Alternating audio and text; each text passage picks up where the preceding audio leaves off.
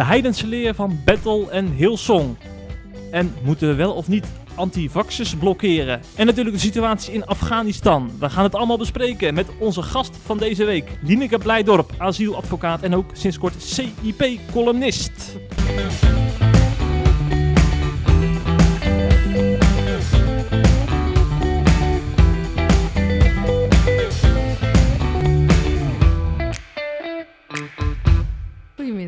Van harte welkom. Ja, Eigenlijk eh, eh, ben ik blij dat jij me uitgenodigd hebt, want we zitten natuurlijk niet op het CIP-kantoor, hè? Wat is dit nee. voor pand? Dit is het, eh, het kantoor waar ik alle afspraken doe met cliënten. Ik ben advocaat, dus hier ontvang ik alle cliënten waar ik dingen mee moet bespreken. Dat doen we hier. Ja, ja. En dat heeft ook een linkje met de actualiteit, hè? Want jij bespreekt natuurlijk ook veel dossiers over Afghanistan. Ja, klopt. Volgens mij honderden zijn er al voorbij gekomen in je ja, carrière. loop, ja, dat zeker. In de loop der jaren zeker, ja. Ja. Ja, ja. En eh, ehm, ook in het bijzonder relevant voor CIP, hè? Want wij maken natuurlijk vaak verhalen over eh, christenen eh, uit, uit Afghanistan. Ja. En er zijn natuurlijk de laatste jaren heel veel vluchtelingen naar ons land gekomen die ook een bekeringsverhaal Ja, hebben. Ja, absoluut. En dat komt ook voorbij op jouw bordje. Nou ja, niet ook. Dat is eigenlijk het enige, Het enige. bijna het enige wat ik doe. Ik doe veel, bijna alleen asiel. en asiel bestaat Hmm. dan voor mij alleen uit bekeringszaken. Ja, ja, ja, ja. En daarnaast heb ik nog een poot met kerkproblemen. Mhm. Eh, dus als er ruzie is in een kerk, en dat is altijd zo, Mhm. dan eh, en er moet of een voorganger uit of een, eh, een hoe heet zo'n ding, oudere, oudste raad moet ontbonden worden of dat soort Oh Oei. problemen, dan, dan word ik ook ingevlogen. Dus het is Ja. niet heel anders, maar Ja. dat is boeiend. Ja. En dan, dan hoop je dat er niet een irritante CIP-journalist belt over die zaak, neem ik aan. Dat doen ze wel eens. dat hebben ze wel eens gedaan. Ja, ja, ja. En dan, dan zeg ik altijd, je weet wat het, je weet wat het standpunt is, Ja. dat we daar geen mededeling over doen. Precies. Ja, Zo gaat dat. ja, ja. Nee, daar weten wij alles van, hoe Ja. dat gaat. Maar het is goed dat je het altijd probeert. Weet je, nee Ja. heb je, ja kan je krijgen. Iedereen heeft zijn vak, hè, zeg ik dan maar. Ja, maar het is ook op zich niks. Nee, de vrije pers is belangrijk. Ik bedoel, het is echt een van de dingen waar ik zo voor zou vechten als het Hmm. er niet was. Oh, dat ben ik blij om te horen. Ja, absoluut. Ja. Dus dan hebben we hier een- geen aardsrivalen aan tafel. Oh nee, zeker Nee. niet. Alleen, ik ik, je moet zelf afkaderen wat je wel en niet kunt of wilt Hmm. bespreken. Maar vrije pers, Hm. eh, eh, ook als het irritant is, ook als er mensen bij een kerk staan te posten, mag je er toch niet overheen rijden. Hmm. Maar van akte zeg ik dan. En op naar onze rubriek, de ergernis van de week.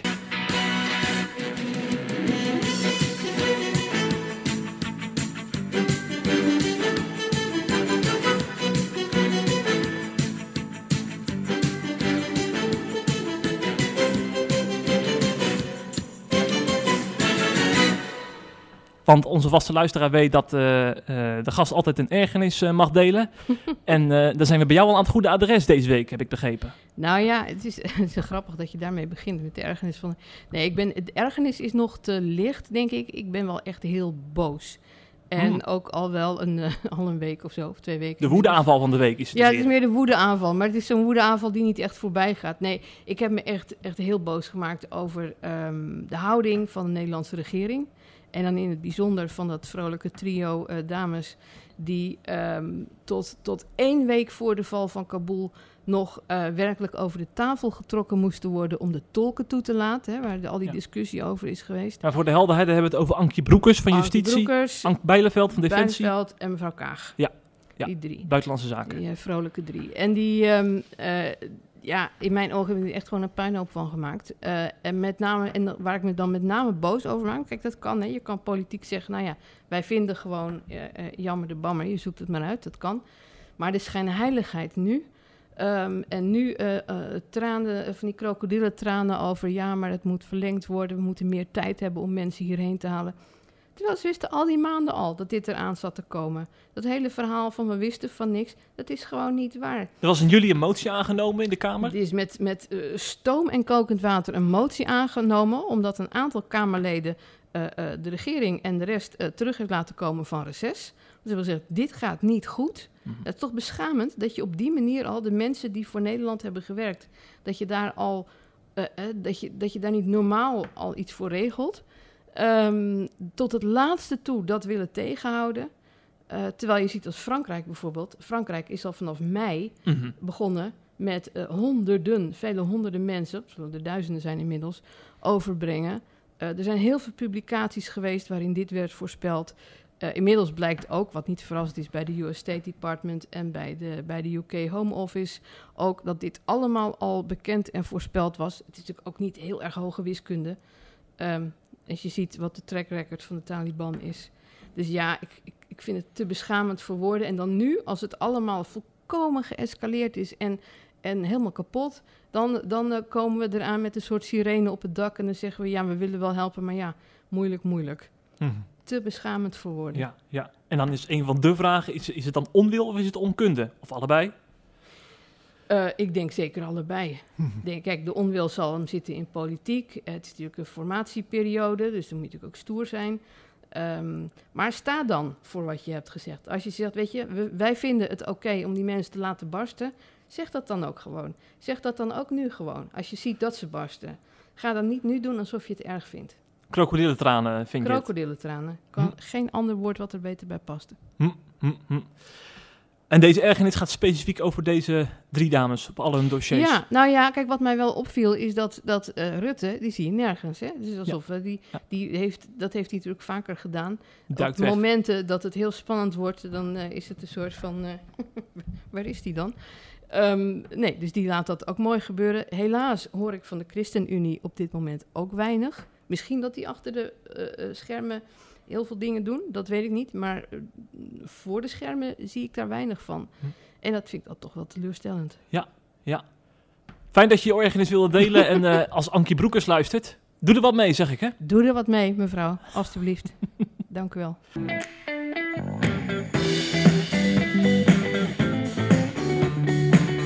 Het laatste nieuws uit christelijk Nederland bespreken we in de CIP-podcast.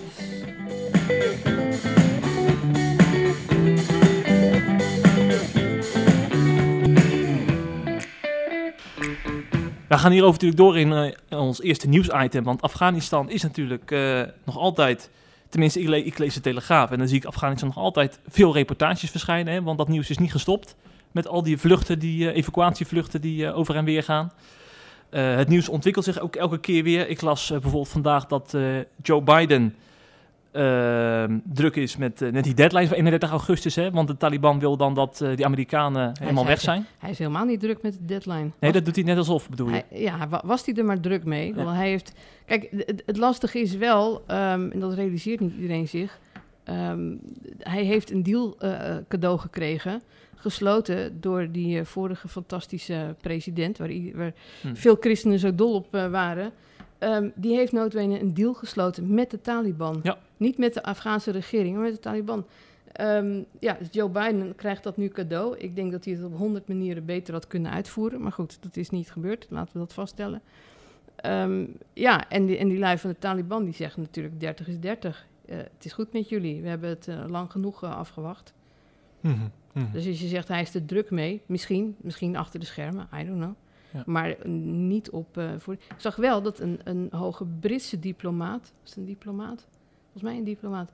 ehm, die inmiddels geheim overleg, wat dan ken ik weer eens uitgelekt, heeft gehad met een hoge Taliban-leider. Om eh, te spreken. Dat las ik op de Daily Mail vandaag. Ja, en zo volgen de berichten elkaar op. Continu. Ja, ja.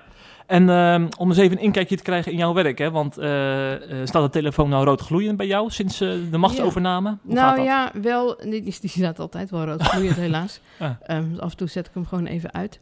Maar ehm, ja, ja, mensen hebben natuurlijk gewoon heel veel zorg. Ik, ik, mijn praktijk, wat ik net zei, bestaat grotendeels uit, of niet eens, eigenlijk bijna alleen uit bekeerlingen. Dat is een heel groot deel zijn Iraniërs, deel is Afghanistan, Pakistan, Irak. Dat is zo'n beetje de, hoofd, de hoofdmoot zijn dat. En ehm, ja, mensen hebben daar familie, mensen zijn in angst. Kijk, degene die hier zitten in een procedure, die zitten op dit moment, nou ja, een soort van veilig. Hè, eh, die moet alleen nog zien dat ze worden toegelaten in Nederland. Maar ja, bijna iedereen heeft natuurlijk daar familie, heeft, maakt zich zorgen, is in paniek. En je ziet gewoon je land ook nog eens helemaal kapot gaan. Mhm, mhm. En ehm, die mensen die jou dan bellen, hè, bellen ze dan echt om een verhaal te delen of eh, willen ze dan ook echt actie? Nou ja, kijk, een verhaal delen kan ik niet zoveel mee. Ik Nee. ben geen maatschappelijk werker. Ehm, nee, ja, het Ja. is, daar ben ik gewoon niet voor. Daar heb ik geen tijd voor. Mhm. Eh, en dat is ook niet mijn taak. Dus eh, als ze een verhaal willen delen, moeten ze ergens anders doen. De meesten doen dat wel in de kerk, die worden goed opgevangen. Mhm. Maar het gaat er met name om, om concrete vragen. Van kan Ja. ik iets doen voor mijn familie? Of eh, geloven ze me nu eindelijk? Of hoe lang gaat het nu nog duren? Dat soort Hm. dingen. Ja. En nou is het dus hè, kort voor, ehm, eh, volgens mij afgelopen weekend, was er een vertrekstop aangekondigd. Want- Eindelijk. Eindelijk, want heel veel Afghaanse vluchtelingen die zaten eh, echt daarop te wachten. Hè, van eh, wanneer. eh, Op, ik dacht, ik had het gisteren nog bekeken. Ik dacht dat er op 5 augustus ja. heeft mevrouw Broekers nog. ehm, ik had hem even gepakt. Op 5 augustus heeft ze nog gezegd dat er geen stop zou komen. Ja, Ja. 5 augustus. Dus Ja. toen was die machtsovername 5 al in volle gang. Hè? Toen was, het, was de chaos, die was al volledig bezig zich Ja. te ontwikkelen. En toen had ze nog bedacht dat er geen uitzetstop kwam. Nou, dat, Hm. dat kwam natuurlijk niet goed, dat kan ook helemaal niet. En bovendien was er ook geen rechter geweest die nog akkoord was gegaan met een uitzetting. Ja. Ehm, maar eh, er kan nu voorlopig, er is een besluitmoratorium, er is een vertrekmoratorium. Dus dat betekent, er wordt niemand uitgezet. Hm. En er wordt ook niet beslist nu op aanvragen. En dat Nee. kan ook niet. Nee, nee, nee. Nou, spreek, nou, jij spreekt natuurlijk veel Afghanen. Ik heb toevallig Ja. ook wat Afghanen in mijn kerk zitten. En eh, ehm, kun jij eens voor een, voor een leek uitleggen hoe dat nou zit met eh, Afghanistan is wel of niet een veilig land voor deze mensen? Kijk, Afghanistan is, is om te beginnen is eigenlijk geen land. Dat, daar is ooit een hek omheen gezet en gezegd: we noemen dit nu een land. Dit heet Hm. Afghanistan. Maar het is een tribal society. Dus het zijn, de, de, de- het zijn tribes, eh, stammen, die ehm, op verschillende plekken wonen. Dus als je een hele grote stam bent, dan heb je misschien wel drie of vier grote gebieden. Als je een klein stammetje bent, dan heb je misschien ergens, ergens in een heel erg ver buitenste buitenbos heb je een stukje. Ehm, en daarin, zit, daarin zijn bepaalde verhoudingen liggen daarin vast. Ehm, dat, dat is hoe hun sy- systeem werkt, hoe hun maatschappij werkt. Ehm, eh, de kern is dat ze natuurlijk eh, islamitisch zijn. En variërend van ehm, eh, nou, eh, vrij streng tot, tot zeer extreem. Waarbij ook het voor christenen dus heel moeilijk is, omdat bekering wordt in de meeste islamitische landen, die wat strenger zijn, niet toegestaan. Hè? Want een bekering betekent vooral afvalligheid. Het probleem zit hem in die afvalligheid. Het gaat altijd om twee dingen, afvalligheid en een bekering. Het feit dat jij afstand durft te doen van dat, van dat geloof, dat mag niet. Ehm, en op het moment dat je dat dan wel doet, dan betekent het dat er op jouw familie, op jouw stam, op jouw omgeving een plicht rust om jou af te maken. Ja, ja. En naar zo'n land zijn de afgelopen jaren dus Afghaanse Ja. gezinnen teruggestuurd. Ja. Bekeerde Afghaanse gezinnen. Nou ja, kijk, dat is natuurlijk de discussie. Ehm, eh, kijk, het, het beleid voor Afghanistan was niet slecht. Het beleid voor Afghanistan, als het ging om christenen, dat was voor, voor andere groepen was het wel heel slecht. Maar ehm, het idee was van als jij christen bent uit Afghanistan, dan kan jij niet terug, dan hoef je niet terug. Alleen, en dan denk je dat is heel royaal. Alleen als je dan vervolgens bij elke christen zegt, ja, maar jij bent geen christen. Ehm, dan bouw je dus een drempel daarvoor in. En als je dan maar structureel tegen elke christen blijft zeggen: nee, jij bent niet echt bekeerd, jij bent niet echt een christen, dan geldt dat beleid dus voor heel veel mensen Ja. niet. Dan hebben we het over IND-medewerkers die dat verhaal van die christenen beoordelen. Ja, tuurlijk, die, Ja. die moeten dat beoordelen. Alleen helaas zijn die, eh, ja, zelf vinden ze dat ze heel erg goed eh, geëquipeerd zijn daarvoor. Maar eh, goed, mensen weten vaak het verschil, nauwelijks het verschil tussen het Oude Testament en het Nieuwe Testament. Of protestants en katholiek. Dus kan je nagaan ehm, wat dat dan verder zegt over, eh, weet je wel, wat, wat doet God in je leven? Hoe, hoe, hoe is een bekering? Wat gebeurt er dan? Eh, afgezien van dat een bekering ook in honderd smaken voorbij komt natuurlijk. Dus er zijn, ik ben ervan overtuigd dat er ook Afghanen zijn uitgezet die wel christen waren, die, ehm, eh, maar die door de IND niet geloofd zijn. Ik heb zelf vorig jaar een gezin gehad, die had ik in de vreemdelingenpiket. Dus ik had hun procedure niet gedaan, maar ik werd gebeld op het moment dat ze waren aangehouden. Ehm, en die hadden niet een, een eh, christen asielprobleem, zou ik maar zeggen, maar van, nou, vanwege iets anders. Ehm, en die zijn met hun vier kleine kinderen vorig jaar uitgezet. Daar, Zo. Daar heb ik deze week wel vaak aan moeten denken, aan die mensen. Dat zo. Want het was al gevaarlijk. Hè? Kijk, Afghanistan was geen veilig land. Alleen het is natuurlijk een politiek ding. Het was zo is met Irak, met Somalië. Vorige keer Afghanistan. Ehm, als de internationale gemeenschap heel lang heel veel geld steekt in een bepaald gebied, dan moet dat een succes zijn. En dat is denk ik ook waarom nu ook de politiek zo langzaam is geweest. Je wilt niet zeggen, we hebben gewoon gefaald. Ons hele project, wat, wat weet ik hoeveel miljard heeft gekost, heeft niet gewerkt. Ja, maar terug naar dat probleem van die bekeerlingen. We, we hebben het over leven of dood. Hè? En, dan, Mhm. Dat is het. Meer smaken zijn er niet, hè? ja, en dat verbaasde mij dus dat er dan blijkbaar toch mensen worden uitgezet. Ja. Terwijl die, die situatie in Afghanistan heel erg bekend is bij eh, alle ministeries. Ja, maar, dat, maar, maar kijk, dat, dat zit er nu dus in. Als jij gewoon zegt, ja, maar die persoon is geen christen. Hmm. Dan heeft hij dus ook geen probleem. Ja, ja, ja, ja. Snap je? Dus op die Mhm. manier kan je gewoon alles van de kaart vegen. Mhm.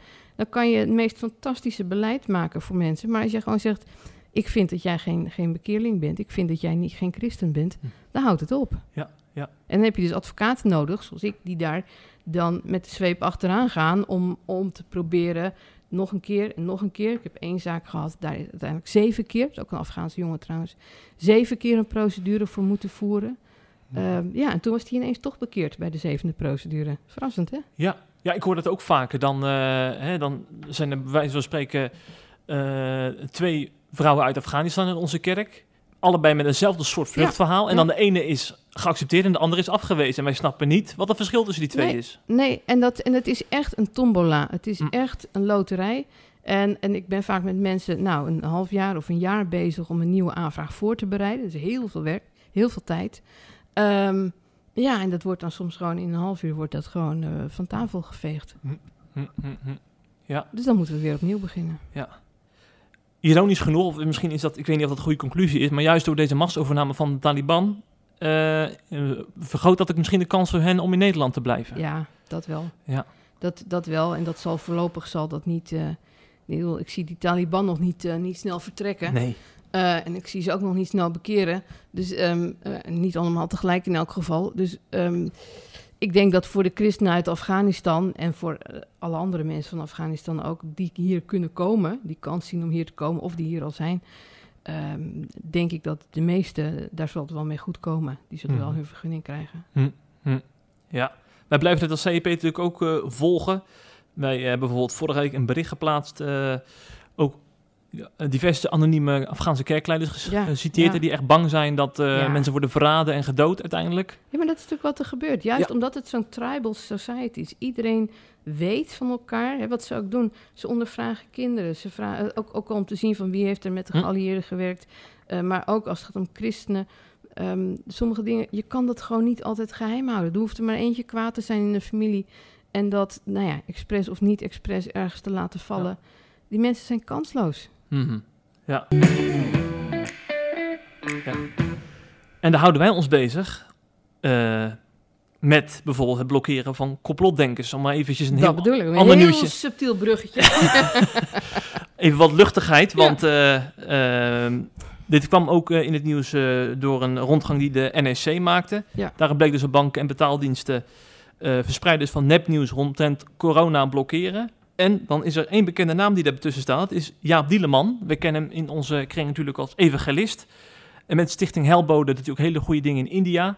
Precies. En eh, hij was natuurlijk eh, niet lang geleden nog in het nieuws vanwege zijn magazine Eye Opener. Hè, dat bij miljoenen mensen in de, eh, in, de, in de brievenbus kwam. Waarin hij dus waarschuwde voor de komst van de antichrist. En ook Ja. linkjes legde met het vaccin.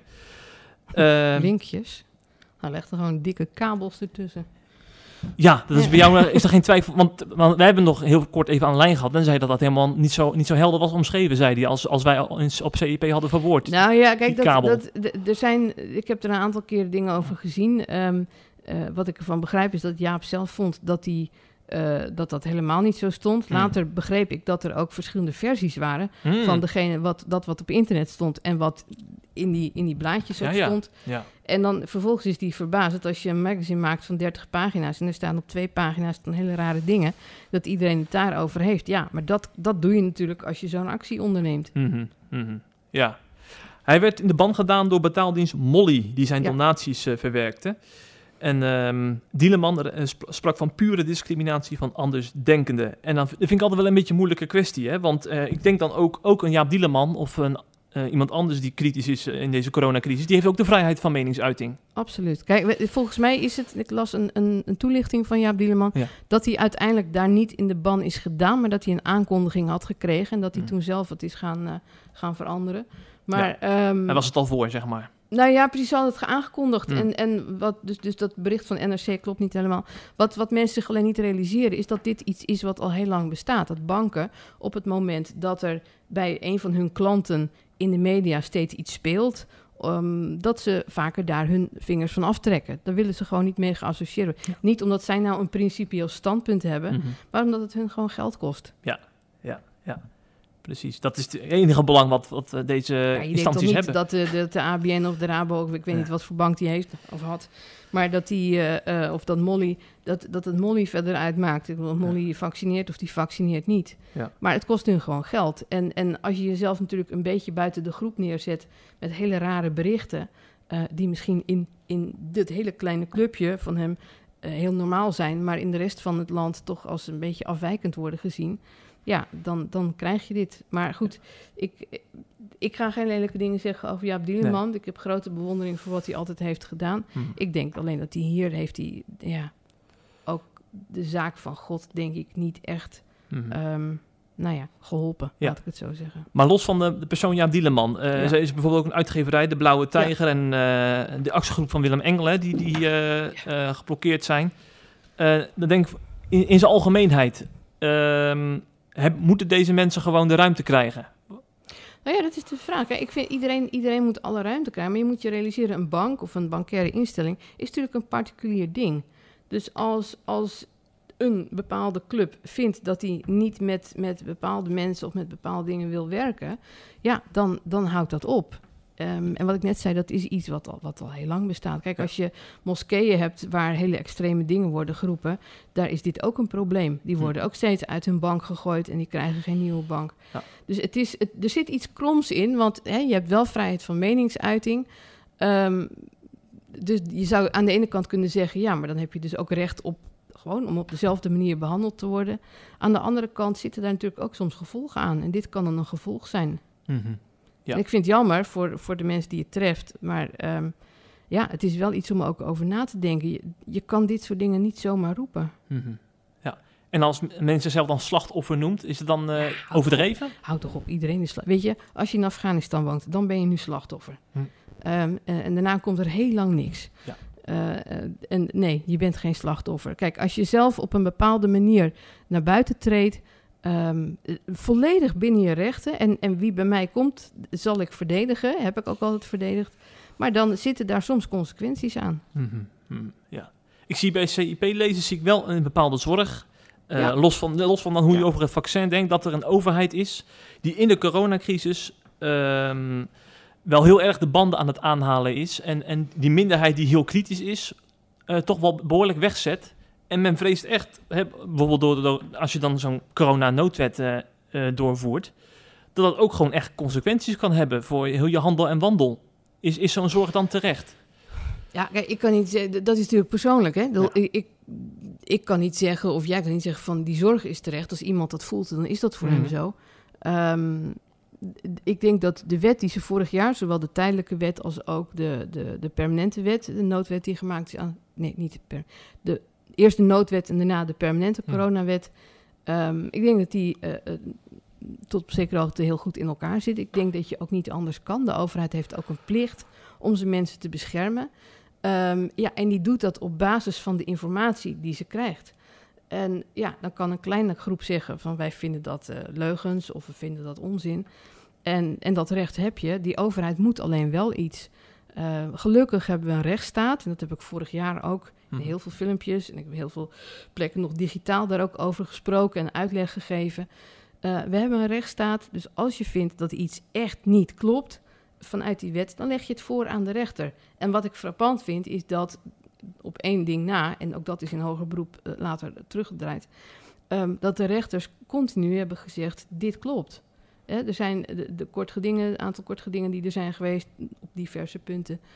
Ehm, maar dat is een rechtsstaat. Dus je, als het je niet aanstaat, dan ga je naar de rechter en dan ga je naar de hogere rechter.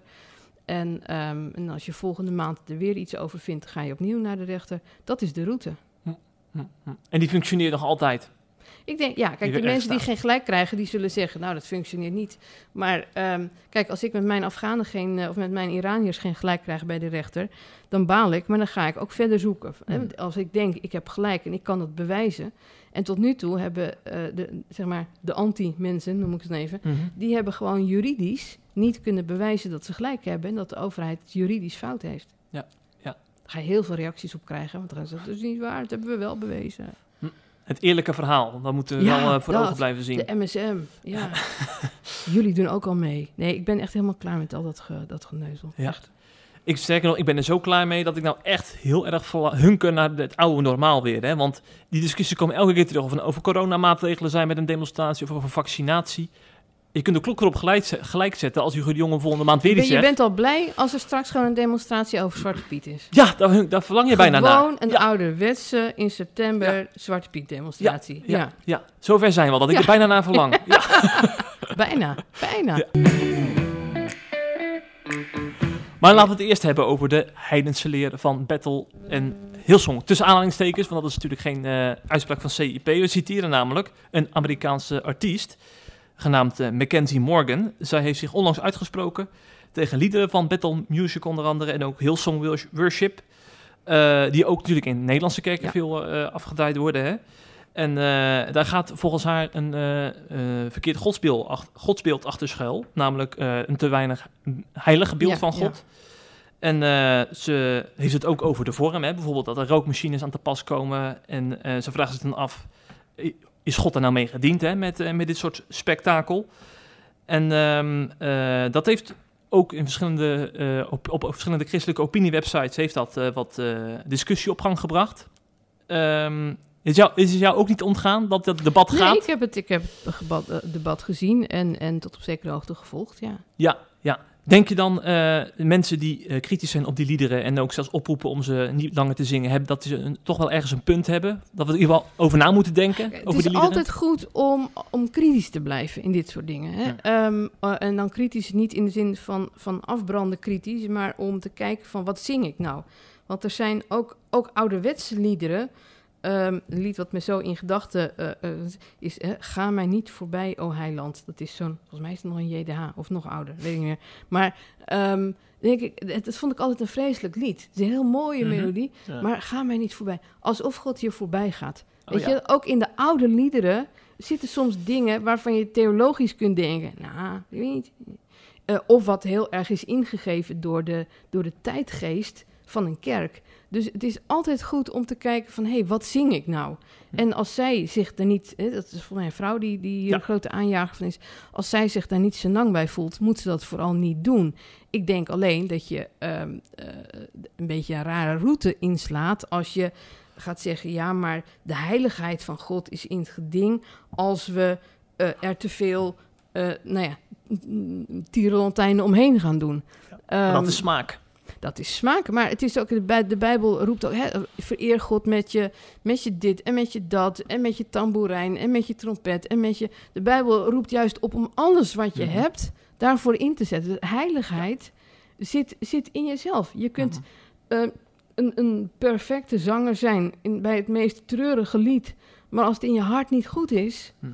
is er niks heiligs meer aan dat lied. Ja, ja, dat is dan zeg maar, eh, we hebben voor een deel heeft het natuurlijk over de vorm, maar ze heeft het ook over een verkondiging van een wel, welvaartsevangelie, Ja. dat dat in heel songliederen nogal wordt uitgedragen. Hè? Van dat, eh, eh, hoe meer je God dient, hoe, eh, hoe meer je ook eh, in materiële zin Ja, beloond zal worden ja. door hem. Eh, die theologische kritiek, wat vind jij daarvan?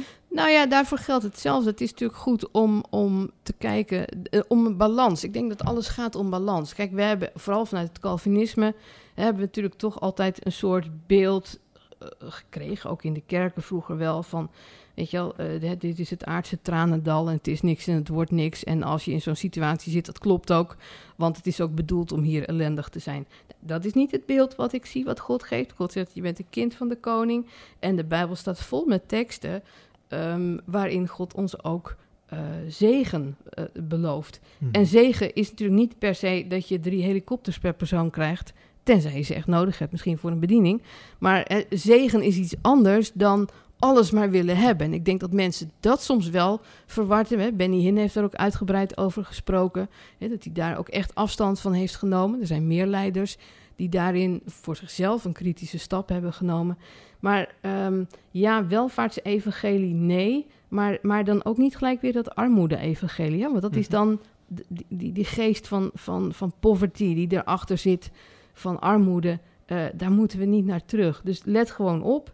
Maar kijk wat het woord zegt. De Bijbel gaat er niet van uit dat het allemaal droevig en ellendig moet zijn hier. Hm. Je bent geroepen om te shinen. Ja, ja. In dit soort discussies denk ik altijd van, eh, hè, dan heb je dus één kamp die pleit voor wat meer eh, realistisch kijk eh, in, in liederen op het leven, hè, ook over onze zonden en Ja. zo. En een groep die dan echt vooral op die bevrijding focust. En denk van, ze hebben gewoon allebei gelijk. We zitten elkaar een beetje er de is- haren te vliegen. Nou ja, in die zin vind ik het ook jammer, dit Ja. soort acties, dat dit in de media zo wordt gebracht. Omdat ik denk dat dat uiteindelijk ehm, gewoon afbreuk doet aan het Koninkrijk van God. Weet je wel? Als jou, daarom zeg ik, als zij zich daar niet fijn bij voelt, zing het niet. Zing iets anders. Als de kerken zijn die zeggen, nou, die stomme battle, die willen wij niet. Dan Hmm. zing je toch lekker iets anders. En degene die er wel zich in kunnen vinden, Mhm. die doe het. Ja. Het gaat erom dat jij God eert. Mhm, Ja. En los van de vraag of ze, dat ze inderdaad beter eh, andere muziek kan luisteren. Dus zij moet natuurlijk ook oppassen voor framing. Hè? Want er is een theoloog Ja. en pastor genaamd Sam Storms. Dus een best wel invloedrijke Ja. pastor. En die heeft zich dus gewoon, die heeft gewoon eh, de geloofsbelijdenis van Bethel en eh Hillsong erbij gehaald. Nou, gewoon zeg maar het, het, het, bekende verhalen van... Er is niks mis mee. Nee, het evangelie van Jezus, dat hij aan het kruis is gegaan voor onze zonde. Eh, de drie eenheid komt voorbij. Eh, en hij zegt dus inderdaad, als je het dan hebt over een valse leer, dat is in hun theologie niet te ontdekken als je gewoon die, die geloofsbelijdenis Dat is- erbij neemt. Dus pas op voor framing, zegt hij eigenlijk. Nou ja, dat. En dat is natuurlijk ook, kijk, kijk van wat, wat er nou werkelijk speelt. Ehm, kijk, kerken, groepen, ministries die opvallen, die met hun kop boven het maaiveld uitsteken, krijgen altijd kritiek, krijgen meer kritiek. Hè, dus eh, Battle is natuurlijk gewoon een ongelooflijk succesvolle bediening, wereldwijd. Eh, ik ken een aantal van de predikers daar, ik ken een aantal mensen die daar eh, eh, tijd op school hebben gezeten. Ehm, ik zie daar niks raars in. Maar dat wil niet zeggen dat je niet altijd voor jezelf ook moet kijken van... hé, hey, maar wat zegt het woord? En, en, maar kijk, wees ook gewoon eerlijk. Als het gewoon een kwestie is van smaak, ja, dat kan. Weet je wel, dan ga je lekker naar een, een, een andere. Maar wees wel eerlijk, want bij Battle preken ze geen rare dingen. Hmm. Wat ik ervan heb gezien, ik heb heel veel preken gevolgd, heel veel onderwijs daar ook gevolgd. Daar preken ze geen gekke dingen. Nee, nee, nee. Ja, vaak halen we inderdaad inhoud en smaak echt door elkaar. Hè? Want ik heb ook wel met dat dominee de. Heer, ik weet niet of hem te veel van, van gehoord hebt, hebben we vaak interviews gedaan. En hij heeft een keer een bundel geschreven met zijn kritiek op de opwekkingsmuziek. Ook inhoudelijke kritiek Oh, is dat? Ja, daar Ja. heb ik over gehoord. Ja. Ik, ik ken hem wel van CPM, maar ik wist niet dat hij ook van Oh, ja. dat boek was. Ja. En, eh, maar als je dan met hem doorpraat, dan, dan, dan proef je op een gegeven moment ook dat het er niet alleen om de inhoud te doen is, maar ook dan gaat ver- verwijst hij naar de EO Jongerendag. En Ja. dan heeft hij het over al die show eromheen en zo. Maar dan denk ik van, eigenlijk zit je nou je eigen voorkeuren er Je ook zit gewoon je, in te mengen. je zit je eigen gelijk eh, in Ja. elkaar te knutselen. Terwijl als je kijkt naar de psalmen, de, de psalmen van David, wat ik net opnoemde, hoe uitbundig het is. Maar soms ook is het niet uitbundig, maar is het totale verbrokenheid. Dus de Heer, wat moet ik? Ik kan geen kant op. Al die dingen uit ons leven, zie je in die psalmen ook al terug. Alleen, ja, het zou een beetje gek zijn als we hier nu eh, eh, alleen met een lier en met een, met een orgel alles gaan zitten zingen. Aan de andere kant, wie het wil, moet het vooral doen. Maar de- wees eerlijk in, in het onderscheid tussen theologie en smaak. Ja, ja, ja. Ik zit te bedenken, wat een luxe eigenlijk dat we ons Ja. over dit soort dingen druk kunnen maken, terwijl nu allemaal Afghanen, Afghanen voor hun leven vrezen. Hè? Ja, dat, maar dat, dat is ook het dubbele hiervan. Kijk, je kunt ook, en dat helemaal vanuit mijn werk weet ik dat, je, je kan niet jaar in jaar uit eh 24-7 alleen maar bezig zijn met nood en met ellende. Nee, nee. Kijk, ik heb ook als ik een, een hele zware zaak soms heb gehad, en vooral als ik hem heb verloren, en ik dan echt denk, oh, chips, wat moeten we nou, die mensen... Weet je wel, dan moet ik op een gegeven moment ook gewoon even, weet ik wel, de stad in en een nieuwe lippenstift halen. Ja, of eh, Ja, ja. een, eh, een romantische film kijken of even. ehm, gewoon omdat zo zitten we als mensen in elkaar. Zeker. Weet je wel? En God wil ook dat we kunnen ontspannen. Hm. Maar het, eh, die situatie nu in Afghanistan, er zijn natuurlijk heel veel andere plekken. Dit valt nu heel erg op. Noopt, denk ik wel, tot herbezinning ook voor ons. Van waar maak je je nou druk over? Ja. Weet je wel, wil jij niet zingen, eh, dingetjes van Battle zingen? Prima, zing ze niet, ga verder. Ga je ding doen, verspreid het evangelie en word er gelukkig mee. Laten we daar niet, niet nu het nieuws van de dag van worden eh, op allerlei eh, christelijke media. Dat is het gewoon niet waard. Hm, hm, hm. Ja, s- spanningsveld voor ons is, eh, kijk, als wij, als wij een hè, we plaatsen ook wel kritische columns, hè, van mensen die bijvoorbeeld over opwekkingsmuziek klagen Ja, of ja. zo, of over Hillsong. Maar zo'n, het is opvallend, zo'n column wordt dus echt behoorlijk veel aangeklikt. Plaats je vervolgens een bijzonder levensverhaal van een, van een Afghaanse Ja. bekeerling, Dat, is, dat komt niet eens bij trending. En dan denk ik van, dat snap ik wel. ja, snap je dat? Ja, dat snap ik heel goed. Omdat dit, dit raakt, vooral als je dit voorbeeld noemt. Kijk, Afghanen zijn... Kijk, nu zien we het heel erg op tv. Maar tot voor vorige week waren voor de meeste mensen Afghanen ver van je bedshow. Tenzij je er eentje in de kerk hebt zitten. Dus dat Oh ja. is... Dat is eh, hè, maar goed, je kunt ook andere voorbeelden noemen. Ja. Maar ehm, dit wat je zegt over muziek, over onze kerkmuziek... dat heeft te maken met onze traditie, met onze cultuur... Eigenlijk dat wat er in Afghanistan nu ook gebeurt, tribal. Dit is gewoon onze tribe. Als jij uit een hele gereformeerde hoek komt en je bent daarin opgegroeid en je weet, dit is wat God wil en dat andere is duivels, dan is het heel moeilijk, zelfs al wil je ervan af, om dat los te laten of om je vrij te voelen. Dus ik snap wel dat dit, dat dit mensen wel raakt en dat hier mensen op aanslaan. Hm, hm, hm. Ja, ik kom dan in iemands identiteit ook echt met een... Heel erg, Ja. maar ook aan zijn geschiedenis, aan je familie, aan, aan hè, dingen over doop kan je die discussie ook zo hebben. Van dat mensen, ja, maar was dan wat wij deden allemaal fout? Weet je wat? Alsof dat de discussie is. Hm, hm. Als je het hebt over kinderdoop tegenover volwassen doop. Ja. Ehm, ik snap wel dat mensen daar veel op klikken, omdat dat gewoon heel erg raakt. Ja, ja, ja, ja. En eh, toch, toch kun je ook bij jezelf een bepaalde knop omzetten. Hè? Want ik was vroeger was ik echt woedend op dominee de Heer. Want dan had hij weer eens in het Reformatorisch Dagblad... had hij weer geklaagd over die evangelische opwekkingsbundel, weet je wel. is En niet zo tolerant geschreven. Ja, ik ben door zo'n bundel ben ik tot levend geloof Ja. gekomen. Of ik, tenminste, mijn, mijn geloof is er door opgebloeid. dus ik, ik, ik nam dat heel persoonlijk op. Maar inmiddels zijn we tien jaar verder en eh, heb ik die artikelen van hem nog eens teruggelezen. En toen dacht ik, oh, hij heeft soms ook wel weer een punt. Heb ik wat meer afstand genomen van mijn eigen gevoel, weet je wel. Nou, En dat is het. Kijk, er zijn een paar dingen. Je moet een beetje afstand. Soms moet je ook gewoon even een paar jaar ouder worden voor bepaalde Ook dingen. wijsheid, met, kom met ja, de jaren. dat is gewoon... Maar ehm, ik heb groot respect voor mensen uit de traditionele kerken. Ook zo'n dominee die deze dingen zegt. Omdat hij vanuit zijn overtuiging... Hè, wat de- de- hij heeft zijn leven lang heeft hij gewoekerd. Heeft hij alles ingezet. Zijn leven, zijn gezin, alles voor het koninkrijk van God. En, en dan ziet hij nu dit. En in zijn, in zijn beleving doet dat gewoon afbreuk aan, aan Ja. het werk van God. Aan Ja. de naam van God. Dat is inlevingsvermogen, hè, waar we het nu over hebben. Ja, weet je wel. En ik kan, ik kan die man alleen maar respecteren. Ik, ik hoef niet met hem eens te zijn. Nee. Maar ik, ik, ik wil hem eren voor wat hij doet en voor wat hij heeft gedaan voor God. Hm, hm. En dat is ook de reden dat zowel Lieneke Blijdorp als dominee de Heer een column op CIP kunnen schrijven. Zo is, Op één site, hè? zo is het. Ja, we sluiten Ja, niemand uit, hoor. Nee. Heel goed. Lieneke, bedankt dat je eh, bij hebt- gedragen aan deze CIP-podcast. Met jouw inbreng. Ik hoop nog veel van je te horen. Heel goed. Je, je, volgende welkom. column eh, komt alweer voorbij, denk ik, bij CIP. En veel succes, met, met eh, al die Ja. asielzaken ook, hè? Want eh, soms, ik, soms vraag ik me af of u überhaupt nog wel een oog dicht doet met al die verhalen. Eh, zelden. Maar ik, nee, nee, dat komt wel goed. Heel goed. Ga gewoon verder. Hou je haak, zou ik zeggen. Dank je wel. En Veel tegen de- zegen. Dank je. En tegen de luisteraars zeg ik, volgende week zijn we er weer bij met een nieuwe podcast vanaf ehm Elspet. Want dan gaan we naar de Haamstede-conferentie. Ken je die conferentie, eh Lieneke? Van gehoord. Nooit geweest? Tientallen dominees in Ja. zwart pak komen daar allemaal lezingen bij wonen. En met een van die dominees gaan wij een podcast maken. Leuk. Dus leuk. dat wordt, dat wordt heel leuk. gaaf. Vind ik gaaf. Ja. ja, ik ga hem luisteren. Tot volgende week.